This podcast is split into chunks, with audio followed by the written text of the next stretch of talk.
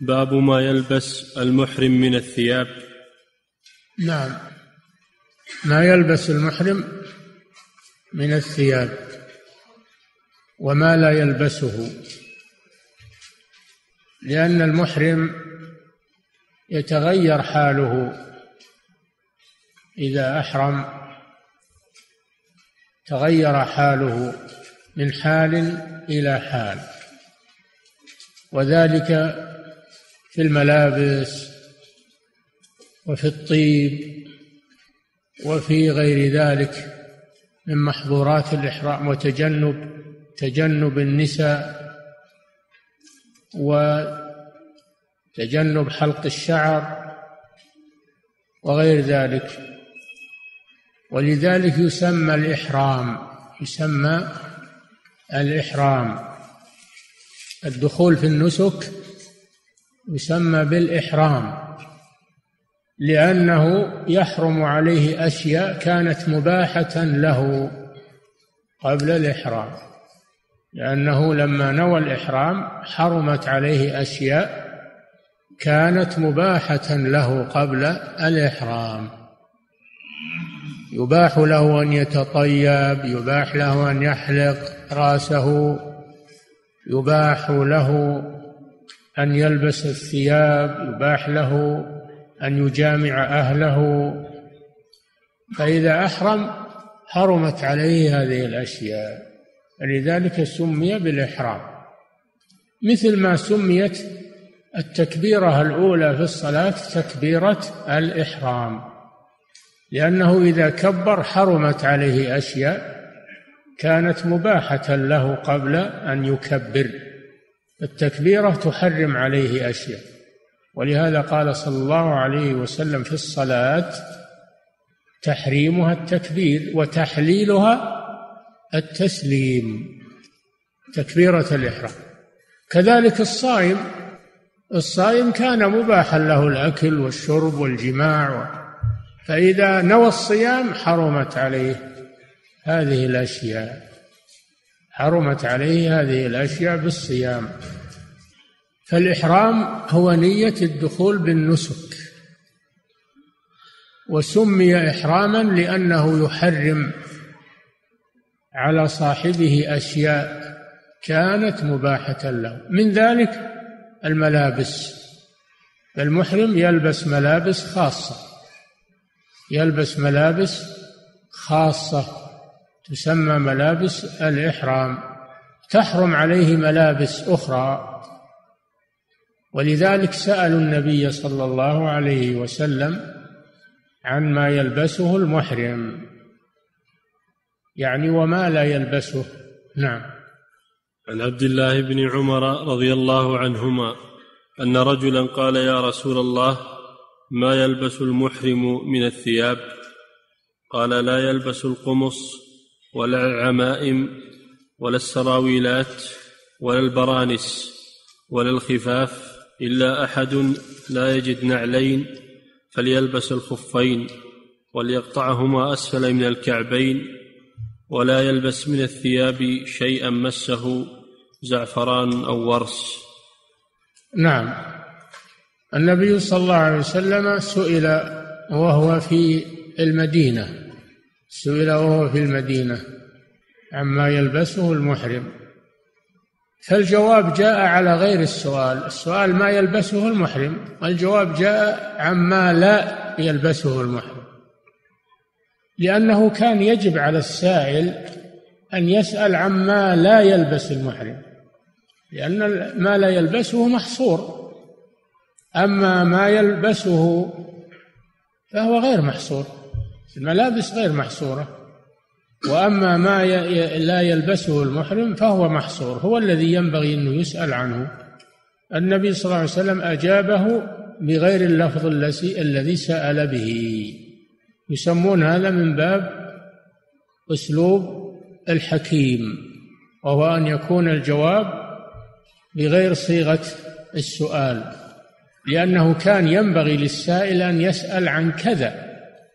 وهذا كما في قوله تعالى يسألونك عن الأهلة قل هي مواقيت للناس والحج هم ما سألوا عن عن حكمها الشرعي وإنما سألوا عن حقيقة الأهلة. لماذا تبدو يبدو القمر ضعيفا ثم يكبر ويتكامل ثم يصغر حتى يتناهى وعاد كالعرجون القديم؟ فالله أجابهم بغير ما سأل. أجابهم عن فوائد الأهلة ولم يجبهم عن حقيقة الأهلة لأنه كان ينبغي لهم أن يسألوا عن فوائدها ولا يسألوا عن حقيقته لأنه ليس لهم فائدة. ليس لهم فائدة بالسؤال عن حقيقة الهلال وإنما الفائدة في الحكمة من الهلال. لماذا؟ قال الله جل وعلا قل هي مواقيت للناس والحج فأجابهم بغير ما سألوا. كذلك الرسول صلى الله عليه وسلم سئل عما يلبس المحرم فأجاب بما لا يلبس المحرم. أظن هذا مفهوم وهذا ما يسمونه بأسلوب الحكيم. قال لا يلبس القمص. والقميص هو الثوب مخيط لجميع البدن. الثوب المخيط لجميع البدن لا يلبسه المحرم. ولا يلبس العمايم وهي ما يكون على الرأس. ما يكون على الرأس. مما يدار على الرأس من العمايم. وكل ما يغطي الرأس سواء كان منسوجا أو ملفوفا على الرأس. العمامة تلف على الرأس. وكذلك ما في حكمه. من الطاقية أو القلنسوة أو كل ما يلبس على الرأس مخيطا أو غير مخيط. فرأس المحرم يبقى مكشوفا. طولة طيلة ما هو محرم يبقى مكشوف الرأس. لا يغطيه بملاصق لا يغطيه بالملاصق.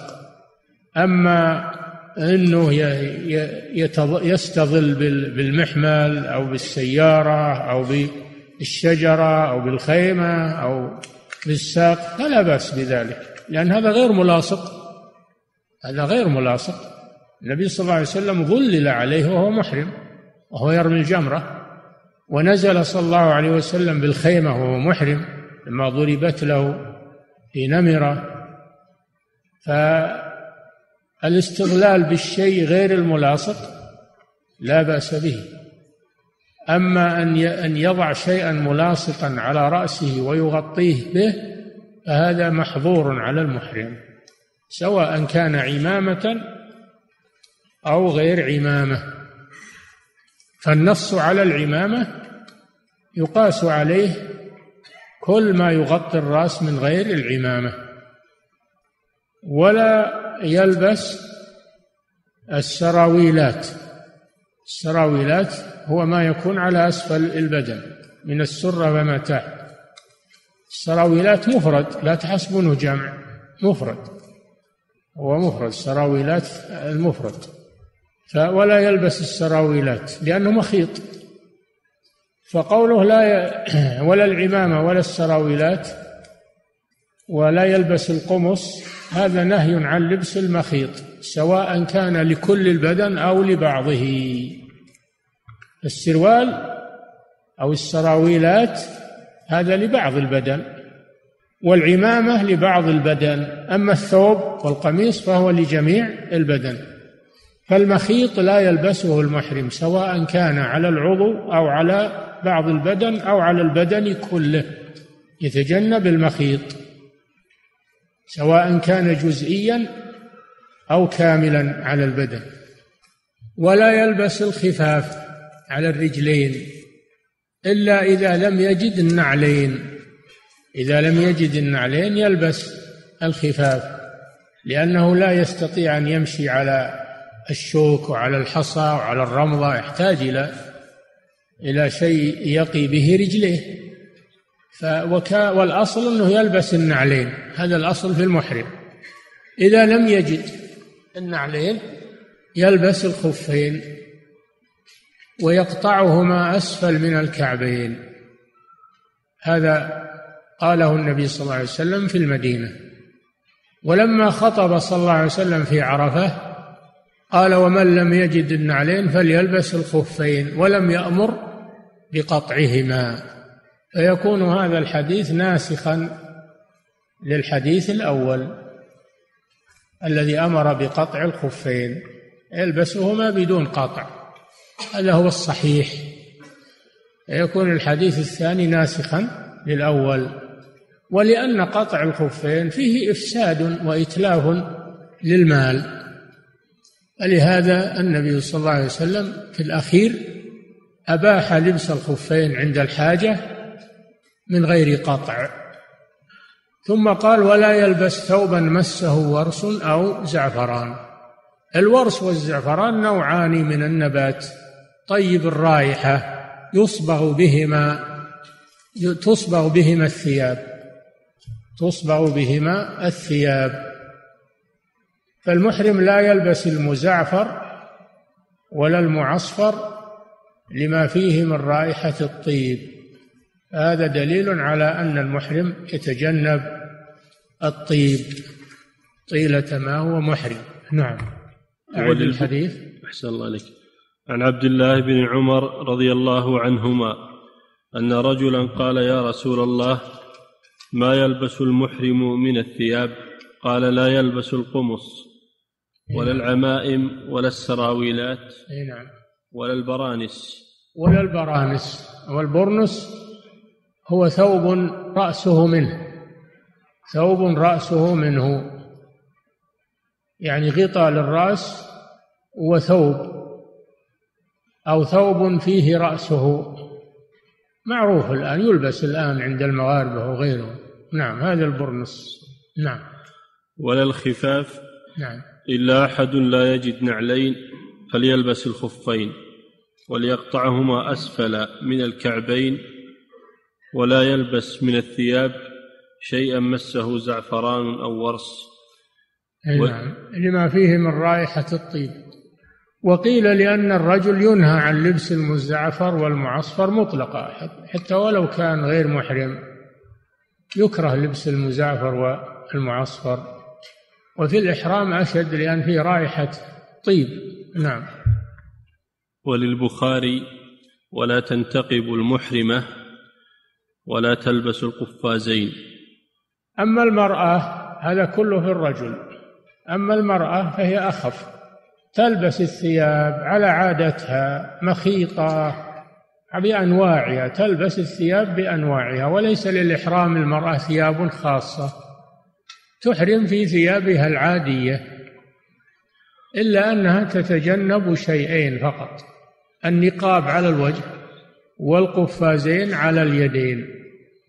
والقفازان هما شراريب اليدين وأما أن تلبس الشراب على الرجلين أو الثياب أو سائر الأغطية فلا مانع من ذلك لأن المرأة عورة بحاجة إلى الستر فهي تلبس ما شاءت من الثياب وإنما تتجنب النقاب والنقاب هو ما يغطى به الوجه ويكون فيه فتحة للعينين. هذا هو النقاب منقوب يعني مخروق للعينين. ومثله البرقع مثله البرقع.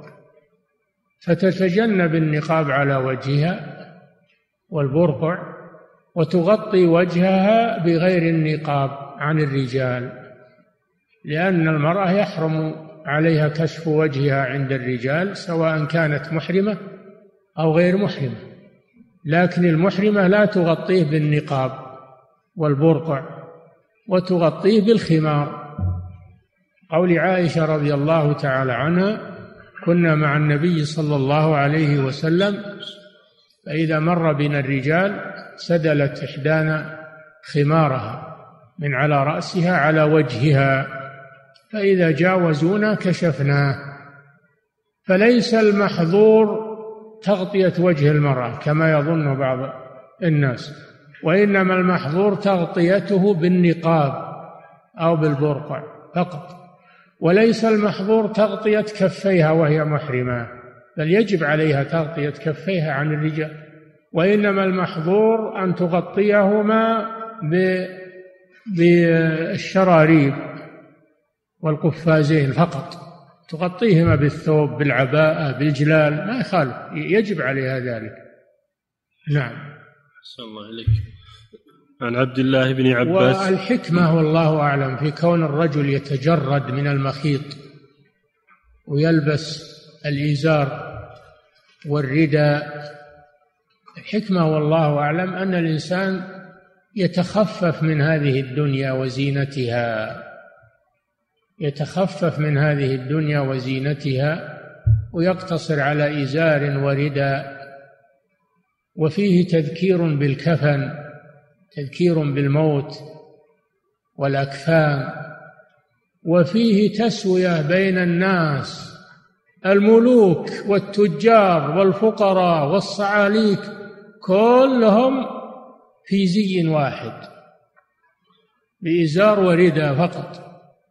فهذا فيه عدل من الله سبحانه وتعالى بين خلقه وفيه تواضع. فأنت لا تعرف إذا رأيت المحرمين ما تعرف الغني من الفقير ولا الصعلوك من الملك ولا العالم من الجاهل ولا كلهم سواء كلهم سواء بزي واحد. وفيه أيضا توحيد للمسلمين توحيد للقلوب توحيد للقلوب. تواضع لله عز وجل خروج عن ملذات الدنيا وإقبال على الله جل وعلا. ما هو محل تباهي وإنما هو محل عبادة وخضوع وذل لله جل وعلا. يستوي فيه الغني والفقير والملك والصعلوك كلهم يستوون في زي واحد. لا تميز بينهم بشيء. نعم. الله إليك